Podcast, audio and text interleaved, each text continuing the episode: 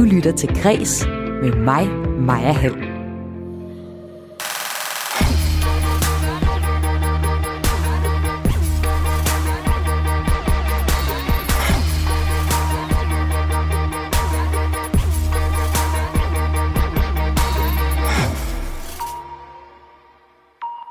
Et fotografi af Lone Hørslevs oldemor som ulykkelig brud fik forfatteren til at dykke ned i familiens historie. Og det er blevet til en levende og vellykket bog, der, bog, der hedder Halt i himlen, og som netop er udkommet. Flere forfattere har skrevet bøger med afsæt i egen familie, og der er blandt danskerne faktisk også en stigende interesse for at få skrevet sin slægtshistorie, fortæller forlaget Fortæl. Her i Kreds, der får du også dagens vigtigste kulturnyheder. Du kan blandt andet høre, at Bob Dylan er blevet sagsøgt for seksuelt misbrug af en mindreårig, og at YouTube vil forbyde terror organisationen Talibans kanaler. Og så får du også et par litterære bud på bøger, du kan læse for at forstå den nuværende situation i Afghanistan, hvor netop Taliban har overtaget. Jeg hedder Maja Hall. Velkommen til Kres.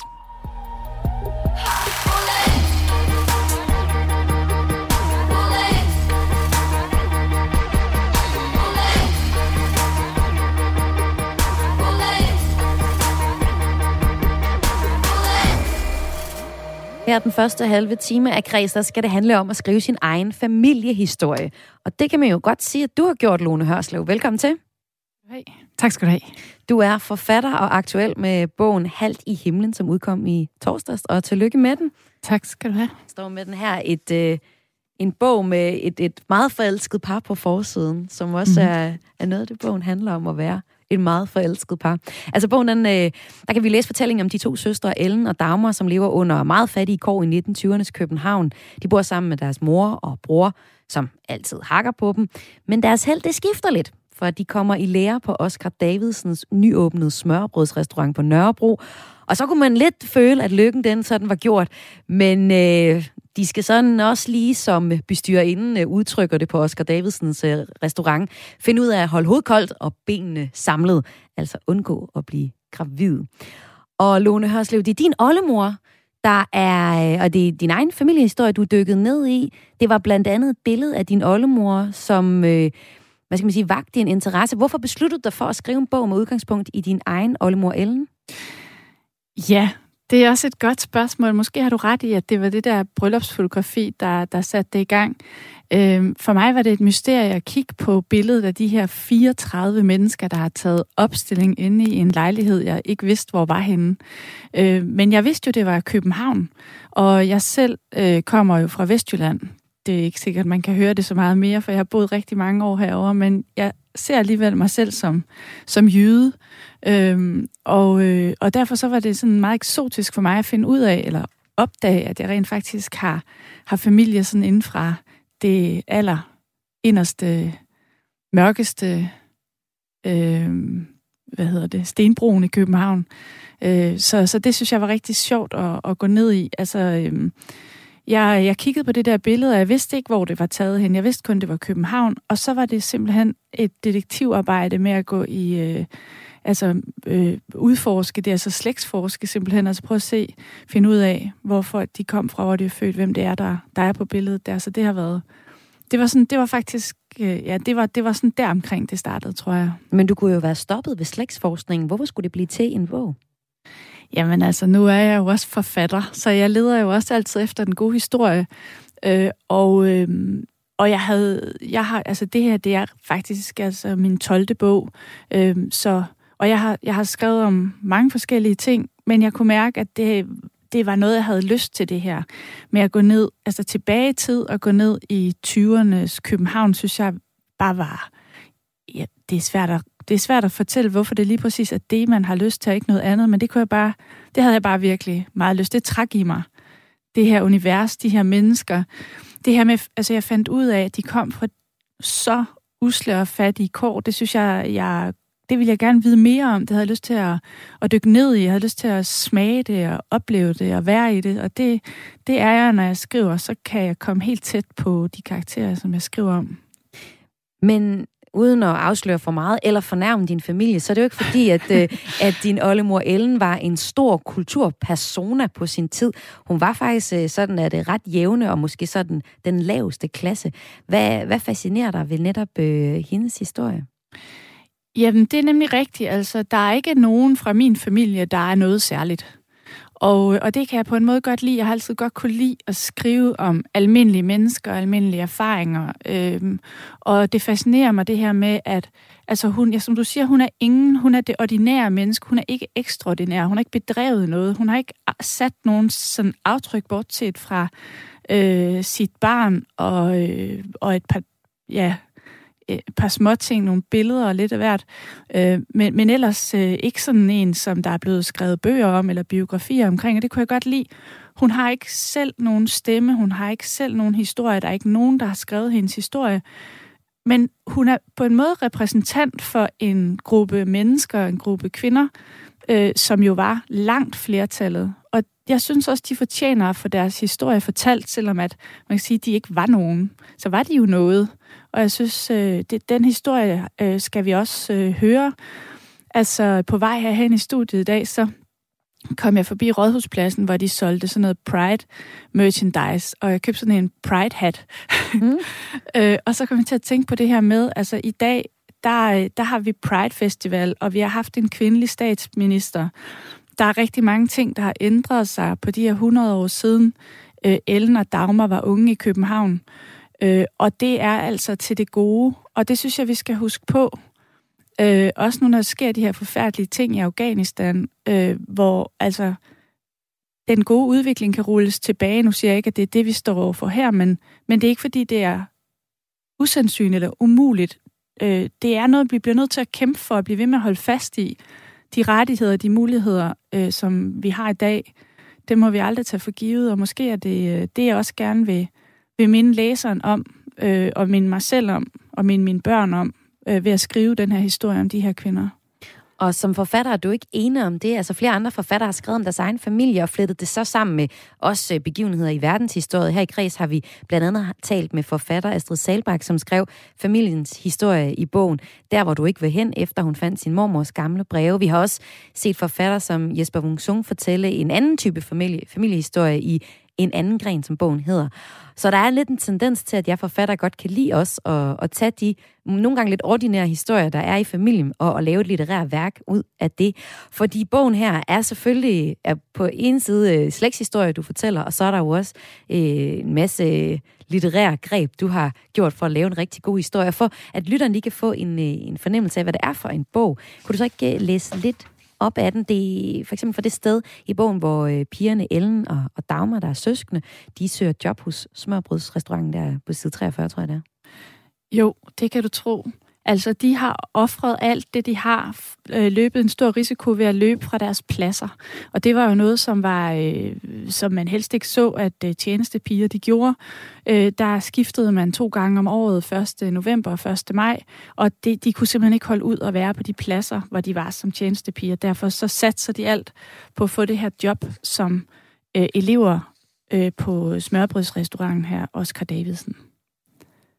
Ellen og Dagmar småløb frem mellem de tomme borer overraskede hende, mens hun var i færd med at tage hat og rev af, for i stedet at iføre sig et hvidt forklæde over sin kjole. De var havnet i et anretterkøkken. Kvinden åbnede overrasket munden, men Dagmar kom hen i forkøbet. Vi har brug for de pladser, sagde hun forpustet. De bliver nødt til at give os en chance. Jeg bliver absolut ikke nødt til noget som helst, sagde hun vredt, efter at have genvundet fatningen. Vil I være så venlige at forlade mit køkken? Hun pegede mod døren, der netop, de netop var bræsset ind af. Dagmar så så hurtigt omkring og greb til Ellens forskrækkelse en kniv, der lå på et skærebræt ved siden af en spand sild, der stod til udvanding. Der gik et ryg gennem damen. Jeg beder dem, frue. Vi ender på gaden, hvis vi ikke får de her pladser, sagde Dagmar og viftede med kniven.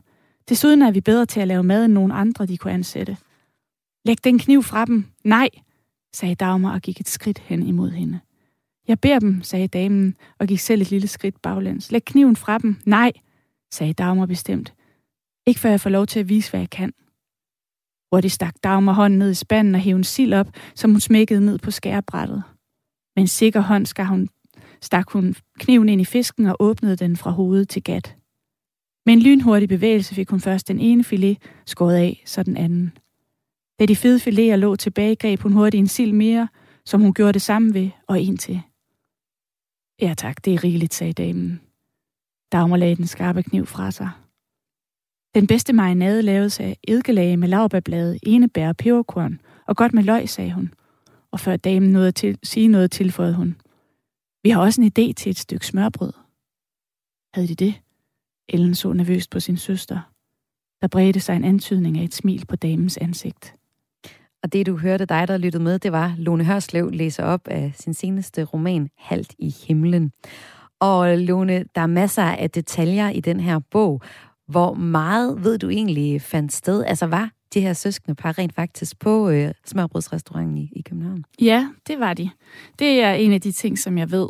Øh, jeg har endda billeder af Dagmar i sit... Øh, i, hvad hedder det, smørbrøds jomfru tøj, hvad hedder sådan uniform. Øh, så øh, det, var, det, det tror jeg også var noget af det, der fascinerede mig. De her to kvinder, som, øh, som får arbejde som smørbrødsjomfruer. Øh, på en restaurant, som jo ja. også er meget kendt i dag under så navnet Ida Davidsens smørbrødsrestaurant i, i København. Ja, Oscar Davidsen, det var Ida Davidsens oldefar, ja. der åbnede øh, stedet i 1888. Så lidt fame har du også i din familie alligevel, Lone. Åh oh, ja, det drysser lidt af måske. Og vi skal tale om mere af det her med at, øh, at skrive slægtshistorie og dykke ned i den og gøre det til historie. Lige om lidt med en ekstra gæst, jeg inviterer ind. Men Lone, bliv endelig hængende her hos os i øh, Kreds. Det gør jeg. Du lytter til Kreds med mig, Maja Hall. Og nu nævnte jeg kort, at der er en tendens i tiden til, at vi ser flere forfattere skrive om deres egen familie og lave det til en roman. Men der er også en anden sideløbende tendens. Den handler om, at almindelige mennesker, kunne vi kalde os, også skriver eller får skrevet vores historier og dykker ned i slægtsforskning. Og det er noget, som du oplever, Maria Lya Lerbæk. Velkommen til. Tusind tak. Du er indehaver af forlaget Fortæl, hvor I skriver folks livshistorier og udgiver dem som bøgerne, altså til privat brug. Hvad er en livshistorie for jer? Jamen, en livshistorie, sådan meget kort fortalt, er jo en historie om et liv. Og typisk er det berettet af hovedpersonen selv.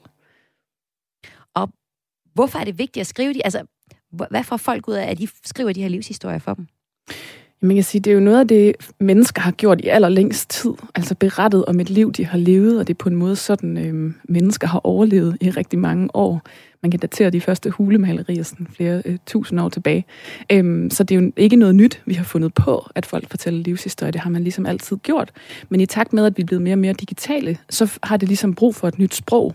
Vi skriver ikke længere særlig meget i hånden. Dagbøger er lidt en uddøende art. Så alle de her sådan, erindringspapirer, folk har lavet, ja, vores bedsteforældre måske har efterladt, det har vi ligesom ikke et format til i dag. Og det er lidt det, vi har prøvet at, at gribe en ny form til. Øhm, og folk får mange forskellige ting ud af den. Typisk er det jo en form for, øhm, jeg tror, værdighed, som også er noget af det, Lone nævner der, en form for værdighed for et, et levet liv, øh, og man arbejder inden for forskning også omkring dignity therapy med døende mennesker, altså det at efterlade noget, et eftermæle på en eller anden måde, sådan, jeg har været her. Men er det særlig interessant at læse de her historier og dykke ned i dem for andre end måske lige hovedpersonen? Øhm, ja, det er jo enormt interessant for dem, der kommer efter hovedpersonen, fordi min mormors livshistorie er jo en del af min historie på en eller anden måde.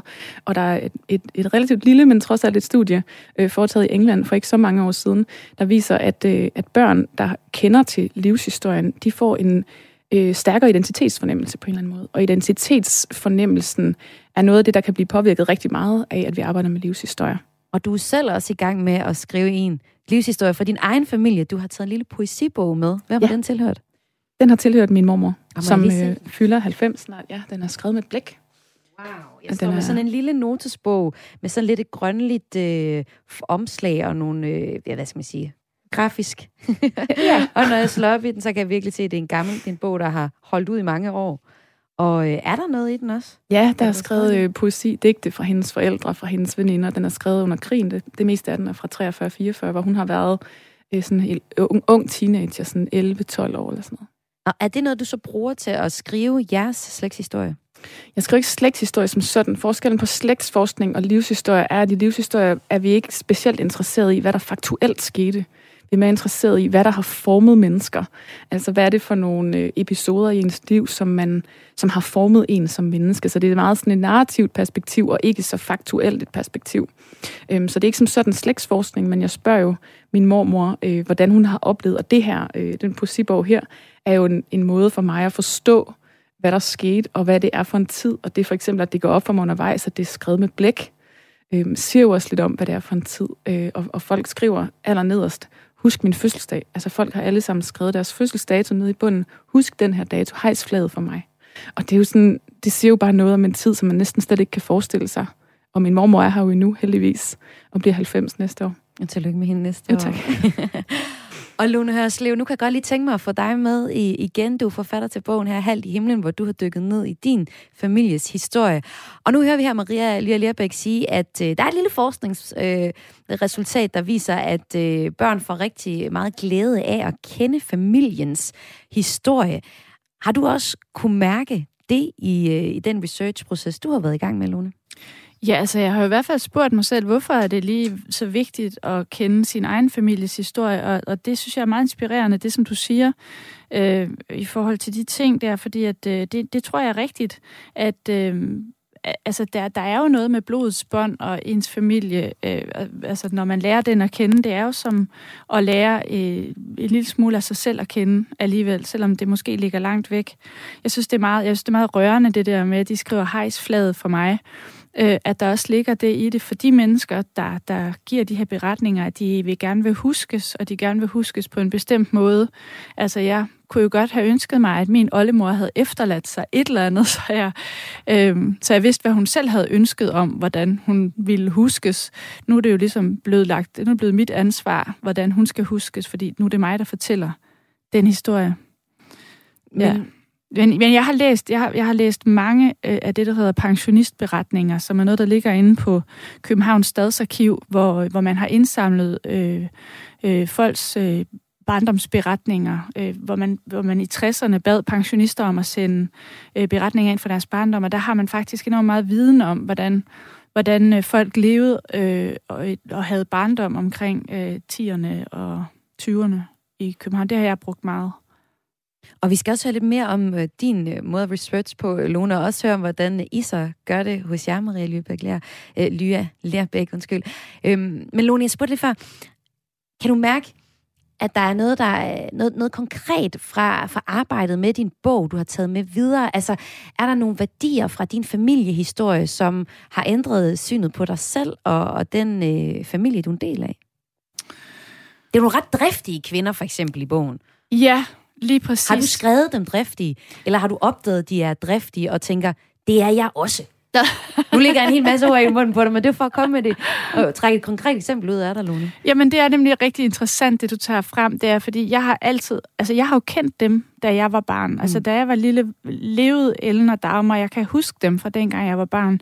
Og noget af det, som, altså jeg tror, at som barn var jeg god til sådan at registrere folk og, og lægge mærke til folk, og, og selvom jeg selvfølgelig ikke forstod alt det, som jeg forstår i dag, men, øh, men jeg forstod i hvert fald, at de netop var ekstremt driftige. Altså, nogen, altså, de arbejdede, og de knoklede.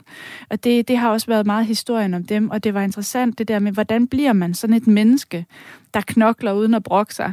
Øh, og, og måske var det øhm, måske var det, det, øh, jeg kunne gå ind i. Faktisk, jeg vil sige, altså jeg kom i forbindelse med, med arbejdet med bogen, så er jeg jo, altså jeg er jo Ellens oldebarn. I igennem arbejdet med bogen er jeg kommet i kontakt med Dagmars oldebarn. Mm. Øh, og, og hende talte jeg med så sent som her den anden dag, mm. øh, da bogen den udkom. Og så sagde hun, øh, det, det genkendte hun fuldstændig fra den side af familien også. Altså i vores familie knokler vi, sagde hun så. Mm.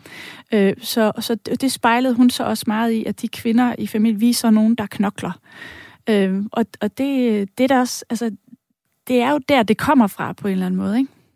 Maria Lیا Lerbæk, når du nu hører, at øh, i Lone Hørslevs familie, så er man nogen, der knokler. Genkender du så det øh, som en overskrift, som, som bliver leveret videre, når I skal til at skrive en, en historie? Altså, der ligesom er ligesom en overskrift på familien. Vi er så nogen, der knokler. Vi er så nogen, der gør sådan og sådan. Ja, det er der jo tit. Man har jo tit en, en idé om, at man kommer fra en familie af en, en særlig karakter på en eller anden måde. Jeg tror, det der sådan går igen er, at at folk øh, har brug for at have en, et tilhørsforhold på en eller anden måde. Så vi er ligesom alle sammen en del af en større fortælling, der hverken starter eller slutter med os selv. Og det er ret eksistentielt. Og det er også derfor, at programmer som Sporløs og sådan noget øh, virkelig spiller på nogle tangenter, og vi alle sammen kan forstå, hvorfor det er vigtigt. Fordi når vi mangler en del af, af vores historie, så mangler vi en lille del af os selv. Og, og derfor er det mega vigtigt at forstå, sådan jeg er ikke bare blevet sat helt tilfældigt ned på jorden og skal leve mit liv, men jeg er en del af noget, der ligesom rækker ud over det. Ja, der kan jeg jo for eksempel række tilbage, eller tænke på min egen familie, der, der øh, kan jeg huske, at jeg har hørt, at de kunne ikke komme længere end til Djursland. Så var der ikke ligesom mere på min fars side at gribe fat i. Og det giver mig også sådan lidt en, nå, er vi sådan en historieløs øh, familie, ikke? Så jeg mangler faktisk den overskrift øh, endnu. Jeg kunne godt tænke mig at høre jer begge to, hvordan I har arbejdet, eller hvordan I, arbejder, altså, hvordan I konkret arbejder, Maria, på, på forlaget med at lave de her historier, og også hvordan du har gjort, Lone. Og hvis vi lige starter med dig, så noget af det, jeg synes er, er fedt ved bogen, det er så stor detaljerigdom, du har. Og øh, noget af det jo øh, er opdigtet, og noget af det er virkeligt. Men nu sagde du for eksempel, at du har læst rigtig mange beretninger fra øh, øh, ældre mennesker i, i København. Men, men hvad så ned på, hvad man spiste og havde på og sådan noget? Har, har du også lavet en stor research i forhold til det? Øh, ja, ja, det har jeg jo forsøgt at undersøge, selvfølgelig, de der ting. Øh, jamen altså, jeg har, jeg har jo forsøgt, jeg har jo læst øh, forskellige bøger. Jeg har, jeg har været, jeg, jeg har været i det der Københavns Stadsarkiv, øh, læst pensionistberetninger. Jeg har været øh, i Rigsarkivet, og så selvfølgelig alt det, man kan sådan finde ud over det af, af, af historiske bøger, opslagsværker og alt muligt. Ja. Og så har du også besøgt den lejlighed, der er omdrejningspunktet i bogen. Altså, jeg er faktisk lige gået forbi den på vej hen igen. Øh, ja, det... og til jer, der lytter med, vi sender kreds her fra Aarhus, men Lone, hun er med fra vores studie i København, som ligger i Studiestræde. Og ja. det er i pisseranden, at det foregår, øh, bogen foregår. Ja, det er det lige præcis. Så det er sådan noget 50 meter herfra, hvor jeg står og taler nu. Det er der historien den foregår. Det synes jeg er meget sjovt. Hvordan var det at komme ind i den lejlighed?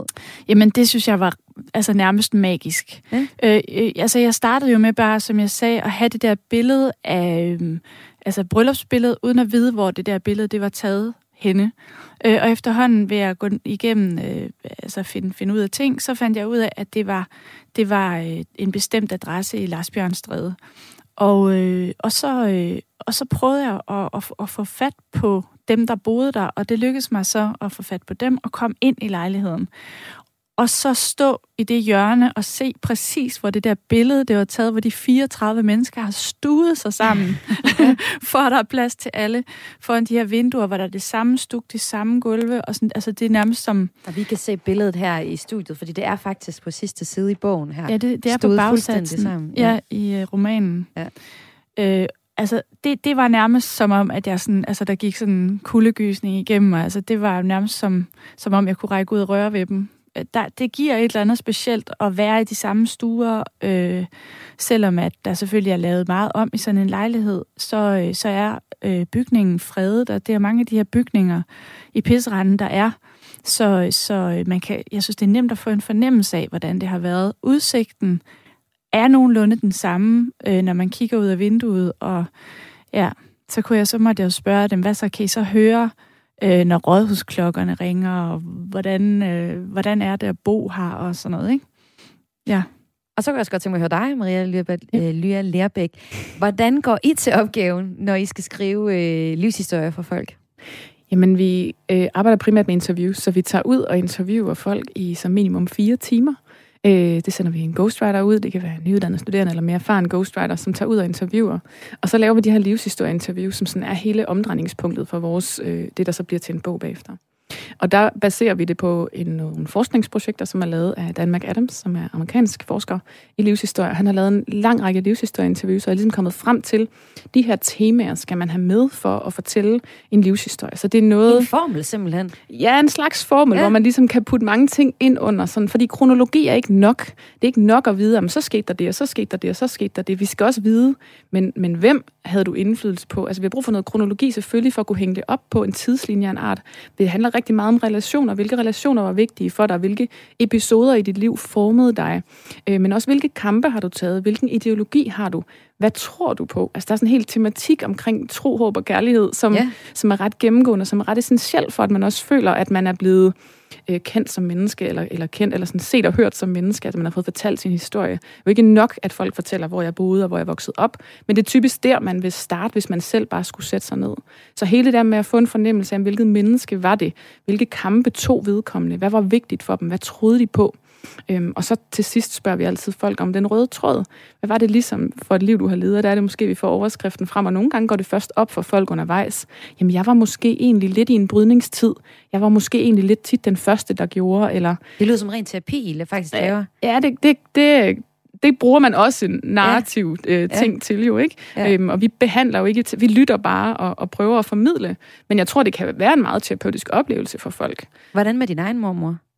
Hun har selv skrevet en masse ting, og hun gjorde det første gang allerede, da jeg blev konfirmeret. Der var det min egen mor, der ringede og sagde, øh, både til min mormor og morfar, min morfar er desværre død i dag, øh, men, men øh, og fik dem til at skrive ned, og min mormor skrev i hånden, og min morfar indtalte på en diktafon. Øhm, så der er også forskellige måder at gå til det på, på en eller anden måde, altså hvilket sprog man, man taler, kan man sige. Øhm, så i dag har jeg også lydfiler fra min morfar, sidder og fortæller om, om sine oplevelser fra krigen. Øhm, og jeg tror da også, det har været terapeutisk for hende, men det har også været vigtigt for hende, at jeg har sagt til hende, jeg vil gerne læse det. For i lang tid snakkede hun om det, så var hun sådan, ah, men det er der, der ikke nogen, det er der, der ikke nogen, der gider læse. Mm. Og man forsikrer hende om, sådan, det, det er der virkelig nogen. Hun har 14 børnebørn, det er der nogen, der gider læse. Ja, lad os lige mm. Mm. slutte der. Det, altså, jeg gider rigtig godt at læse din bog, øh, Lone Hørslev. Nu har jeg gjort det, og jeg vil også godt øh, sende den videre. Det er jo en, øh, det er jo en, en, en litterær, et, altså et, et stykke, et, et kunstværk er det jo reelt set. Hmm. Men hvad er det, det giver oldebørnene, for eksempel, at, at, at deres øh, families historie bliver, bliver skrevet ned, Maria? Hvorfor er det vigtigt? Jamen, det er, det er vigtigt på grund af noget af den her værdighed, men det er også vigtigt for at forstå, hvor vi kommer fra på en eller anden måde.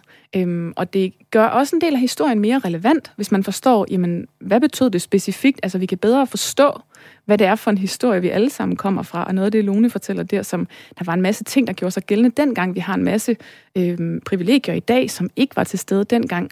Altså, vi er på en måde nødt til at forstå vores rødder, for at forstå, hvor vi er i dag. Ikke? Vi, vi kan stå stærkere i vores identitet og i vores liv i dag, hvis vi også forstår, hvad det er for en vej, der har ført hertil, hvor vi er i dag, og måske også en fornemmelse af, hvor vi så bevæger os hen. Og bliver det mere vigtigt at holde fast i vores rødder i et samfund, hvor alting bliver mere fragmenteret og online?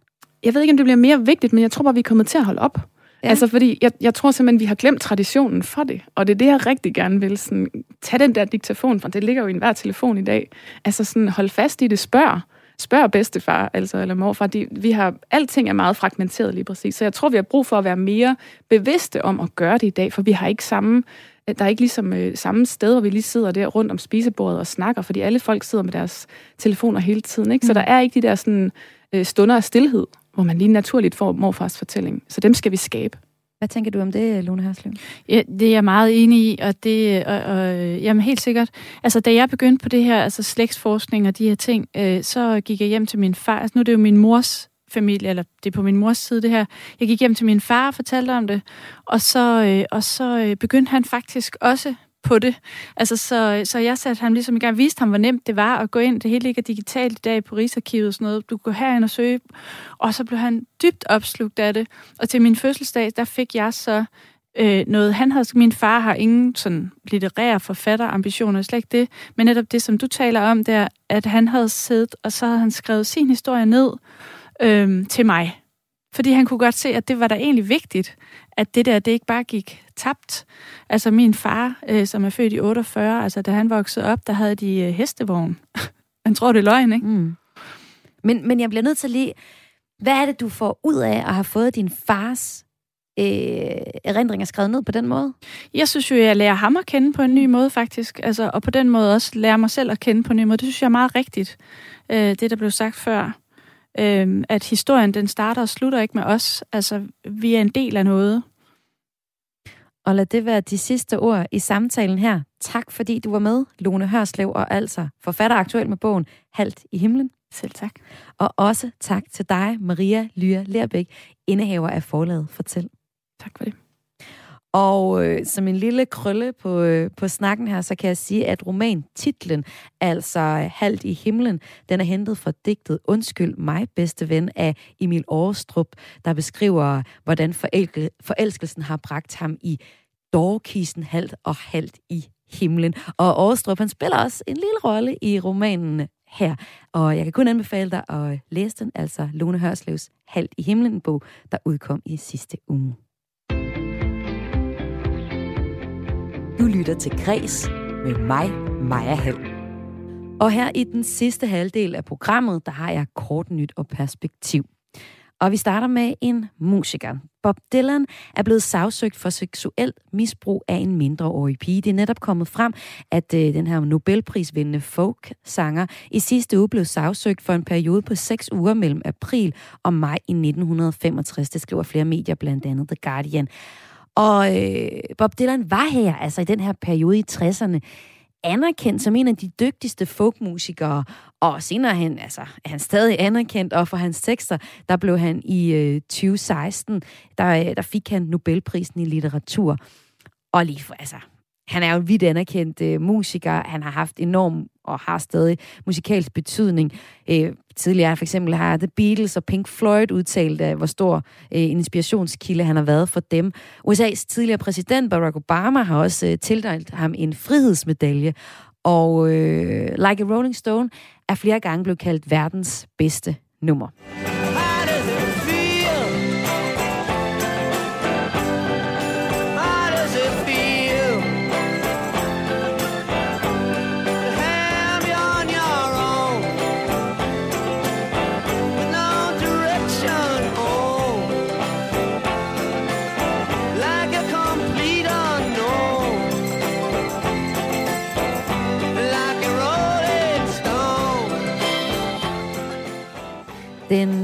Den 80-årige Bob Dylan, ja, så gammel er han blevet, bliver nu af den 68-årige kvinde anklaget for at have givet hende stoffer og alkohol, samt truet hende med fysisk vold, og altså også seksuelt misbrugt hende, da hun var 12 år gammel.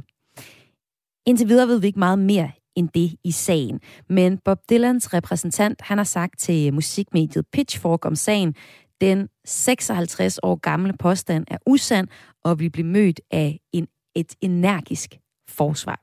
Og så må vi jo se, hvad der sker fortsat i den historie. YouTube vil forbyde Taliban-kanaler. Hvis man følger med på sociale medier, så øh, har man også kunne følge med i den militante bevægelse Talibans mange udmeldinger om deres fremmarsch i Afghanistan. Men det skal nu være slut. I hvert fald på YouTube. Mediet oplyser, at de vil forbyde konti, som den militante bevægelse menes at stå bag. Og man kan sige, mens øh, YouTube og Facebook vil lukke for Taliban, så kan man stadig finde dem på andre sociale medier, for eksempel Twitter. Det er øh, altså nemlig sådan, at det bare er op til platformene selv at finde ud af, om de vil lukke ned for Taliban, fordi alle de her sociale medier, det er private virksomheder. De bestemmer i en lang udstrækning selv. Ansvaret, det vil mange af de sociale medier egentlig gerne være fri for, men det kan de ikke, fordi de er så store, som de er. Det siger Astrid Hav, der er rådgiver og ekspert i sociale medier. Den største udfordring er, at de er blevet så store, og de har så meget øh, politisk magt. Øh, og der var ikke rigtig nogen af dem, der blev startet, i hvert fald ikke sådan øh, Facebook, YouTube øh, og egentlig heller ikke Twitter, altså blev startet for ligesom at have stor politisk magt. De er ikke interesseorganisationer, de skal ikke ud og, og lobby for noget, de vil egentlig helst bare på den måde sådan rent politisk få lov til at være i fred. Øhm, og, og de er simpelthen blevet så store, de har så meget magt, at de jo er med til at og, og bestemme netop, øh, hvem, hvem der bliver den næste præsident i USA, og jo også her i det her tilfælde, øh, jamen, hvilke muligheder har øh, Taliban og det nye styre i Afghanistan egentlig for at kommunikere til omverdenen, øh, også sådan øh, lave, lave propaganda og forskellige andre ting? Sagde altså rådgiver og ekspert i sociale medier Astrid Hav. Og sidst i programmet, der kan du her i Kreds også få inspiration til, hvad du kan læse for at forstå den nuværende situation i Afghanistan. En sidste kort nyhed. Heteroseksuelle og hvide er blevet nægtet adgang til en stor Pride-fest. Da Nørrebro Pride afholdt åbningsfest i weekenden, så var det ikke alle, der var inviteret. I et Instagram-opslag bad de nemlig hvide og eller heteroseksuelle om at blive væk, fordi arrangementet kun var for LGBTQ plus personer, der også var farvede. Og det har givet vidt forskellige reaktioner, for vi har jo sædvanligvis hørt historier om netop farvet og til dels også LGBTQ plus personer, der ikke må komme ind på øh, dansesteder, der er for alle. Men øh, nu er historien jo så lidt omvendt. Men til DR, der støtter forperson for den officielle Copenhagen Pride-beslutning her. Og øh, han siger, det er glimrende, at der skabes nogle separatistiske rum rundt omkring, fordi mens vi i Copenhagen Pride skaber de store inkluderende rum, så ved vi også godt, at nogen føler sig utrygge i det, vi laver, bliver der altså sagt til DR.dk. Instagram-opslaget, som har sat gang i, i snakken her, den er så senere blevet fjernet igen, men det var så også noget, der foregik her i weekenden.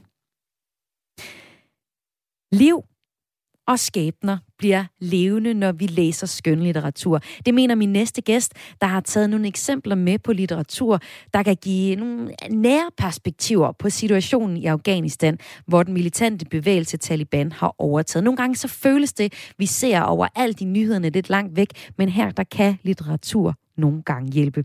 Altså Kabul og øh, Taliban har øh, været på de fleste læber i dag efter et foto af et propfyldt militærfly øh, fly i Kabul gik viralt i går, og videoer af kaos i Kabuls lufthavn er blevet delt, og der er et billede med sådan nogle faldende mennesker fra et fly fra lufthavnen, der er blevet sammenlignet med fotos af faldende mænd fra tvillingetårnet den 11. september i 2001. Det er virkelig voldsomme historier, vi ser lige nu i nyhedsbilledet. Tidlig øh, søndag morgen, bare lige for at oprise historien her, ikke dansk tid, der bevægede krigere fra Taliban sig ind i, Kab- i Kabul. Præsident Ashraf øh, Ghani forlod herefter landet, og ingen havde forudset, hvor hurtigt det ville gå i sidste uge. Øh, selv ikke Puk Damsgaard, der er mellemøstlig korrespondent for DR, da hun var med i TV-avisen tidligere her i august. Blot fordi de har overtaget ni provinshovedsteder på seks dage, er ikke lige med, at de står i Kabul øh, i overmorgen. Der vil skulle hæftige kampe til, før de, de kan gøre det. Men der tegner sig klart et billede af, at de måske vil forsøge at inddæmme Kabul. Øh, det er klart deres øh, øh mission. Og øh, når man taler med folk i Kabul, ja, så er der en stemning af, at øh, skibet er ved at synke. Lød det fra Puk Damsgaard fire dage før Talibans indtog.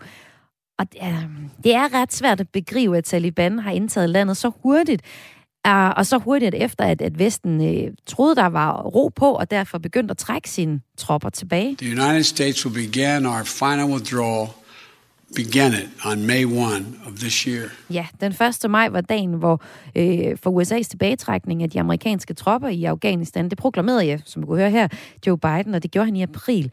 Danmark fulgte så trop, og i slutningen af juni, der landede de sidste soldater på, øh, på dansk jord. Man er jo glad for selv at komme hjem, men man tænker også over, hvad det er for et land, man efterlader.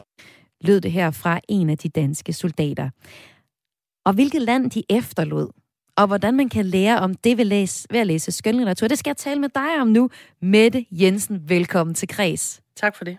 Du er bibliotekar på øh, Dokken i Aarhus, og jeg har inviteret dig ind til øh, i studiet her, fordi når jeg skal ud og rejse, så kan jeg godt lide at dykke ned i kulturen og læse nogle bøger, for eksempel om det land, jeg skal besøge.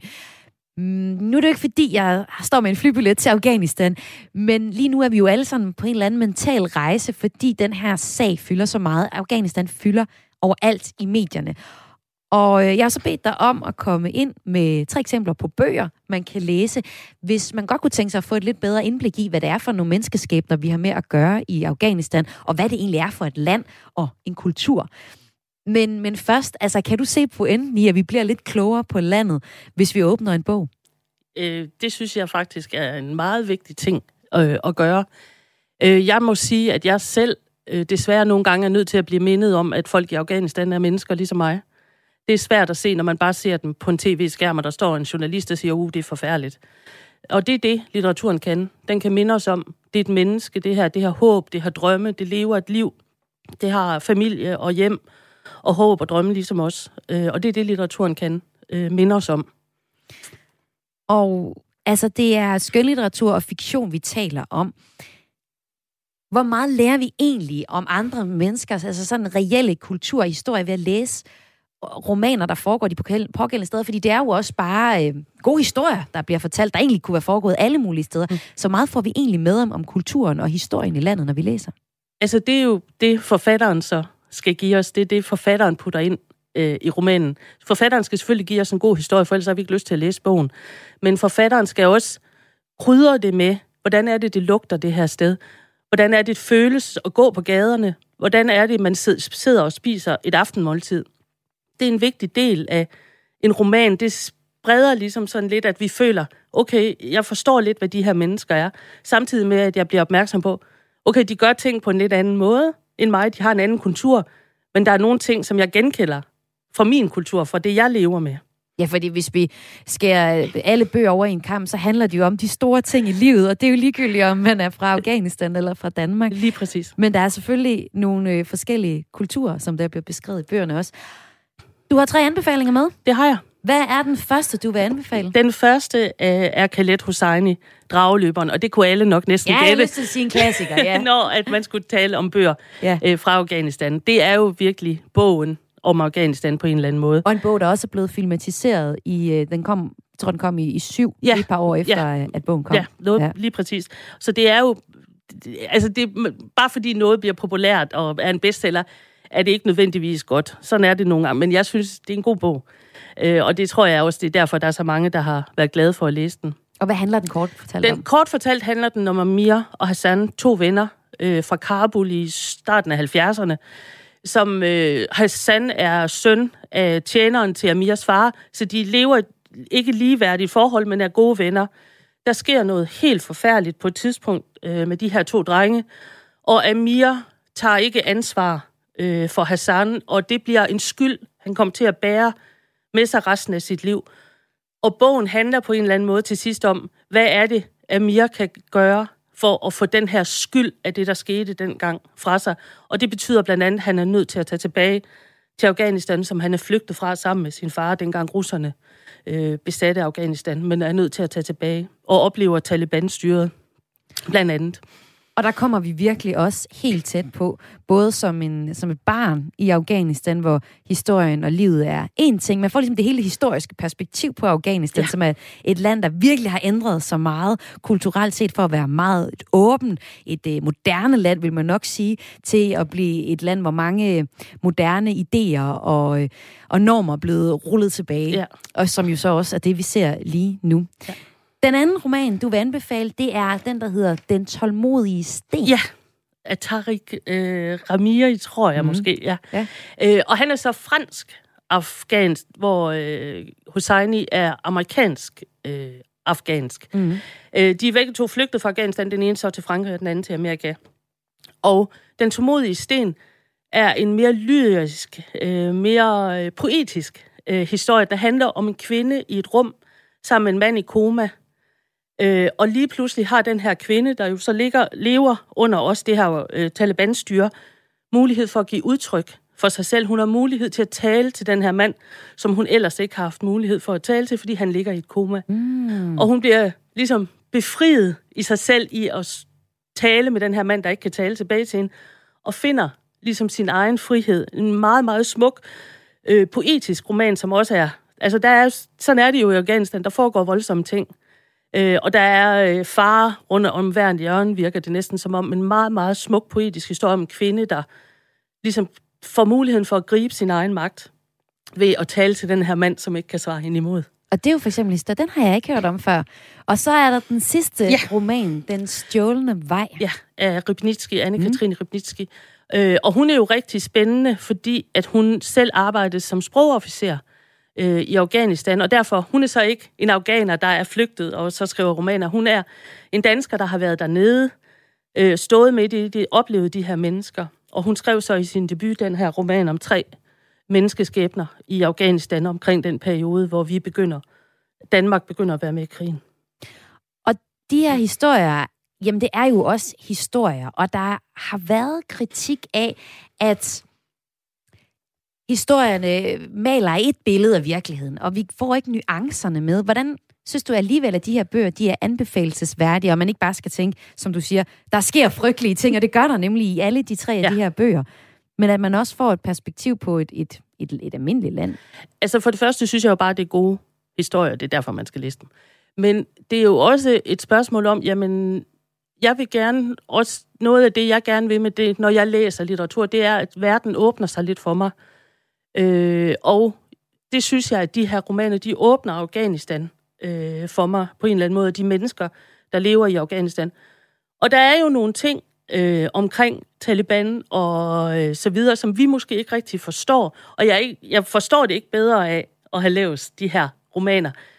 Men jeg ved lidt om, hvad det så er for en verden, øh, det her foregår i. Ja, hvad er det for nogle skønlitterære greb, som de her forfattere tager, tager brug af? Altså, det er jo meget det her med, at du pludselig er inde i hovedet på et menneske. At det ikke bare er noget, vi ser i en film udefra, at her går vi ned ad gaden, og så kan vi se, hvordan gaden ser ud. Vi er inde i hovedet på det her menneske, vi, føl, vi følger. Vi kan, vi kan mærke, hvordan det mærkes at gå på vejen, fordi at det er det, forfatteren beskriver for os. Vi kan mærke, hvordan det dufter, eller høre, hvad lyde der er. Og så er det altså en helt anden oplevelse. Jeg ved godt, at man kan ikke sige, at så er det ligesom at være der selv. Men det er jo lidt ligesom at være dig selv, fordi du er inde i hovedet på det her menneske, du følger i historien. Mette Jensen, tak fordi du kom med tre anbefalinger om øh, ja, afghansk litteratur. Og øh, Mette er altså bibliotekar på Dokken i Aarhus. Og øh, de tre anbefalinger, det var altså, nu tager vi dem lige bare, så I er helt med på det. Den første bog, det var øh, Dragløberen, så var der Den tålmodige sten, og den sidste bog er så Den stjålne vej. Altså tre eksempler på litteratur fra Afghanistan, som kan der måske gøre dig lidt klogere på, eller i hvert fald give dig et perspektiv på den aktuelle situation med Taliban i Afghanistan lige nu. Du lytter til Græs med mig, Maja Hall. Jeg slutter udsendelsen af med et nyt særligt nummer, som udkom i mandags. Og øh, det nummer, det hedder Sidste Omgang. Det er et øh, nummer, der er lavet i samarbejde med forfatter Benny Andersen, der øh, ligesom Per Vers selv har modtaget modersmålsprisen. Benny Andersen, han døde for tre år siden, men alligevel så nåede Per Vers at indgå et samarbejde. Og øh, det samarbejde, det er altså blevet til nummeret Sidste omgang. Det er første nummer på en helt plade, som udkommer senere i år. Alle sangene, det er skabt med afsæt i de digte, Benny Andersen nåede at indtale sammen med Per Vers inden sin død. Så det er sådan, altså sådan et, et øh, mix mellem, en, øh, mellem øh, rå poesi fra Benny Andersens hånd, kunne man sige, og så altså også rapperen Per Vers forskellige input og, og sang. Og det er altså det, der er blevet kogt sammen til det her nummer i en sidste, sidste omgang. Og øh, det, du kan lægge mærke til, det er for eksempel, at på nummeret sidste omgang, der er skåles der både, sådan, både en gang sådan vemodigt og også øh, saligt for de, den afdøde digter, der lever videre gennem sin ord og sin kunst. Så der bliver, øh, bliver skålet, øh, i hvert fald Per Vers, han synger her, lad os skåle i champagne og øh, Henny for Benny og seks årtier, han bevægede sin penny. Og ja, det er vist bedre leveret. Lad os hellere høre Pervers selv synge det her. Her kommer nummeret sidste omgang med Pervers og Benny Andersen. Venner, lad os drikke og se på hinanden. Spar ikke på venlighed. Vi ved ikke, hvem af os, der først vil blive til ingen eller noget ufatteligt andet. Men i dag kan vi nå hinanden og høre hinandens latter. Det må vi benytte os af. Drik ud, men langsomt, opmærksomt. Spar ikke på angst og venlighed.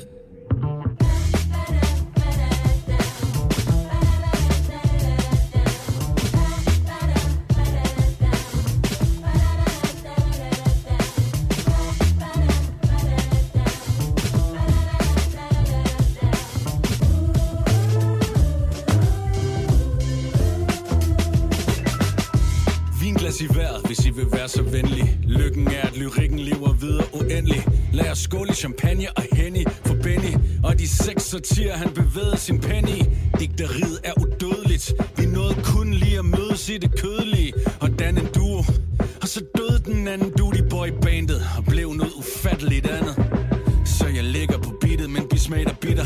Bunder et par centiliter til jeg bliver en vælte Peter. For selvfølgelig skal der smiles og skåles og så og blande blæk med Benny, det er goals. Vi nåede knap nok at drikke ud, før han var nødt til at tjekke ud. Det går 1, 2, check, power poesi projekt. Klatten noget han er læk, næste måned var han væk. Ikke mere liv i dækkeværket men masser i digterværket. Nu kan det nydes på din musik forstærker. Han gjorde mig umage var hans eneste krav. Så nu skal jeg være det næste vers hver. Wow. Humlen mod himlen med et sidste skrig. For ord er du kommet, og til ord skal du blive. Mig og Benny skruer helt op.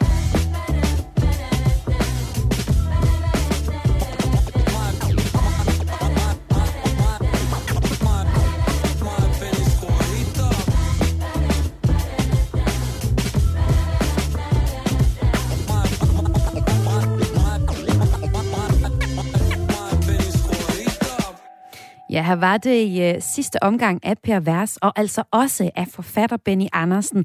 Selvom at han er død, så nåede Per Vers at lave øh, noget øh, musik sammen med ham. Og det var en ting, der var vigtigt, fordi at øh, det var jo sådan, at Pervers kunne godt se, hvor det lakkede hen, men han fik lov til at fortsætte projektet her. Altså han fik simpelthen Benny Andersens velsignelse, selvom at han døde. Og det fik han, øh, han fik øh, velsignelse til at fortsætte med projektet med at øh, mixe og matche og producere og komponere det, som han ville, så længe han efterlevede et enkelt krav. Bare du gør dig umage.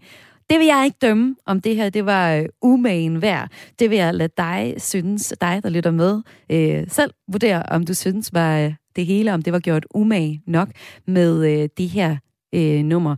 Og øh, faktisk, så har vi også pervers med på en telefon lige om et lille øjeblik. Altså Pervers, der har lavet det her nummer sammen med Benny Andersen.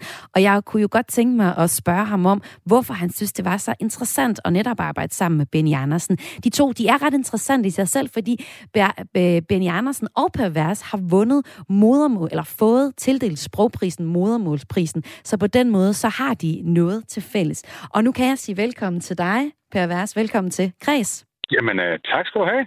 Nu nåede jeg lige at spille det nummer sidste omgang, som du har lavet sammen med Benny Andersen. Hvorfor var det interessant at samarbejde med ham? Ja, men helt ærligt. Han er jo en uh, kæmpe legende. Det er. Så, uh, men hvorfor er det interessant det jo... for dig?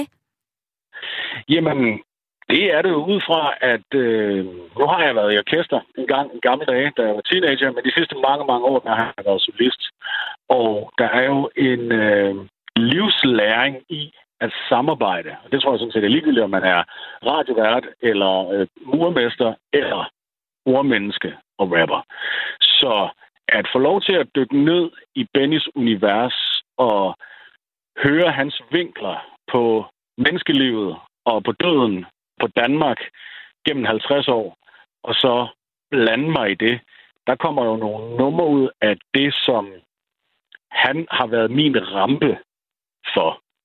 Så det er utrolig interessant i forhold til, at selvfølgelig, når man sidder alene og er kreativ, så bliver man jo også inspireret af andre kilder. Hvad man nu lige måtte stille ind på Radio 4 og høre. Eller hvad det nu er, der møder en. Så der er jo altid en eller anden i gang sætter, men i det her tilfælde, der var det bare et sindssygt spændende samarbejde, som jeg aldrig i mit liv ville øh, have troet på kunne lade sig gøre, og som jeg da i hvert fald aldrig ville drømme om om sin egen Ja, hvordan foregik samarbejdet egentlig sådan rent praktisk? Jamen, jeg havde en øh, dejlig homie og gymnasielærer-ven, der hed Claus, som havde en øh, rigtig fin idé, der indebar en masse rapper og en masse gamle digte, som han havde lidt et problem med i sit virke, fordi han er selv digter og elsker poesi, og han elsker at være gymnasielærer, men det var bare desværre ikke gensidigt. Hmm. Så hver gang, at han kom til den del af danskundervisningen, hvor det havde noget med poesi at gøre, så blev hans øh, publikum fremmedgjorte. Så tænkte han, hey, måske kunne han kombinere det med hans anden kærlighed, nemlig dansk rap. Der lavede vi et projekt, der hed Rødder, og der var så en af de unge rapper, der valgte Benedict, og så havde man jo ham lige pludselig i telefonbogen. Han var jo ikke særlig hemmelig. Han stod bare, ved telefonbogen, Benny Andersen, Virum. Og når vi nu havde gang i ham og ja. havde en hotline, Jamen, så sagde Claus til mig, Per, jeg tror, der er et eller andet med dig, Benny. Der er en eller anden fællesnævner i den, vi ser verden på, og den måde, som vi ser sproget på. Skal vi ikke tage besøg? Og det er jo og faktisk noget, I, I er blevet anerkendt for begge to. Altså, vi har fået den her modersmålsprisen. Hvordan har det sprogligt været at arbejde med Benny Andersens tekster og digte? Jamen, jeg tror, jeg har været ubevidst inspireret af ham hele mit liv. Ja. Fordi min allerførste koncert nogensinde, da jeg var 10 år, var på højskolen i nabobyen, hvor mine kære forældre slæbte mig ud til noget, jeg ikke anede, hvad var, hvilket var Ben Andersen og Paul Dissing. Okay. Så på en eller anden måde, så er det sådan helt dybt i min DNA. Og jeg tror, at jeg har lavet raptekster i mange år, hvor jeg inde i mig selv har tænkt, jeg er udelukkende inspireret af ganske bestemte kvarterer i New York og deres måde at skrive raptekster på. Men inden bag det hele, så har der jo en masse underbevidste inspirationskilder, som også er knyttet til det, at jeg rapper ikke på amerikansk. Jeg gør det på dansk. Og der er sådan en som Benny, altså bare en, der ligger helt, helt dybt nede i lillehjernen og pumper hjernecellerne op. Og det er der var altså blevet øh, et nummer ud af også. Sidste omgang med Per Vers og Benny Andersen. Tak fordi du var med, Per Vers. Det var alt for kreds i dag.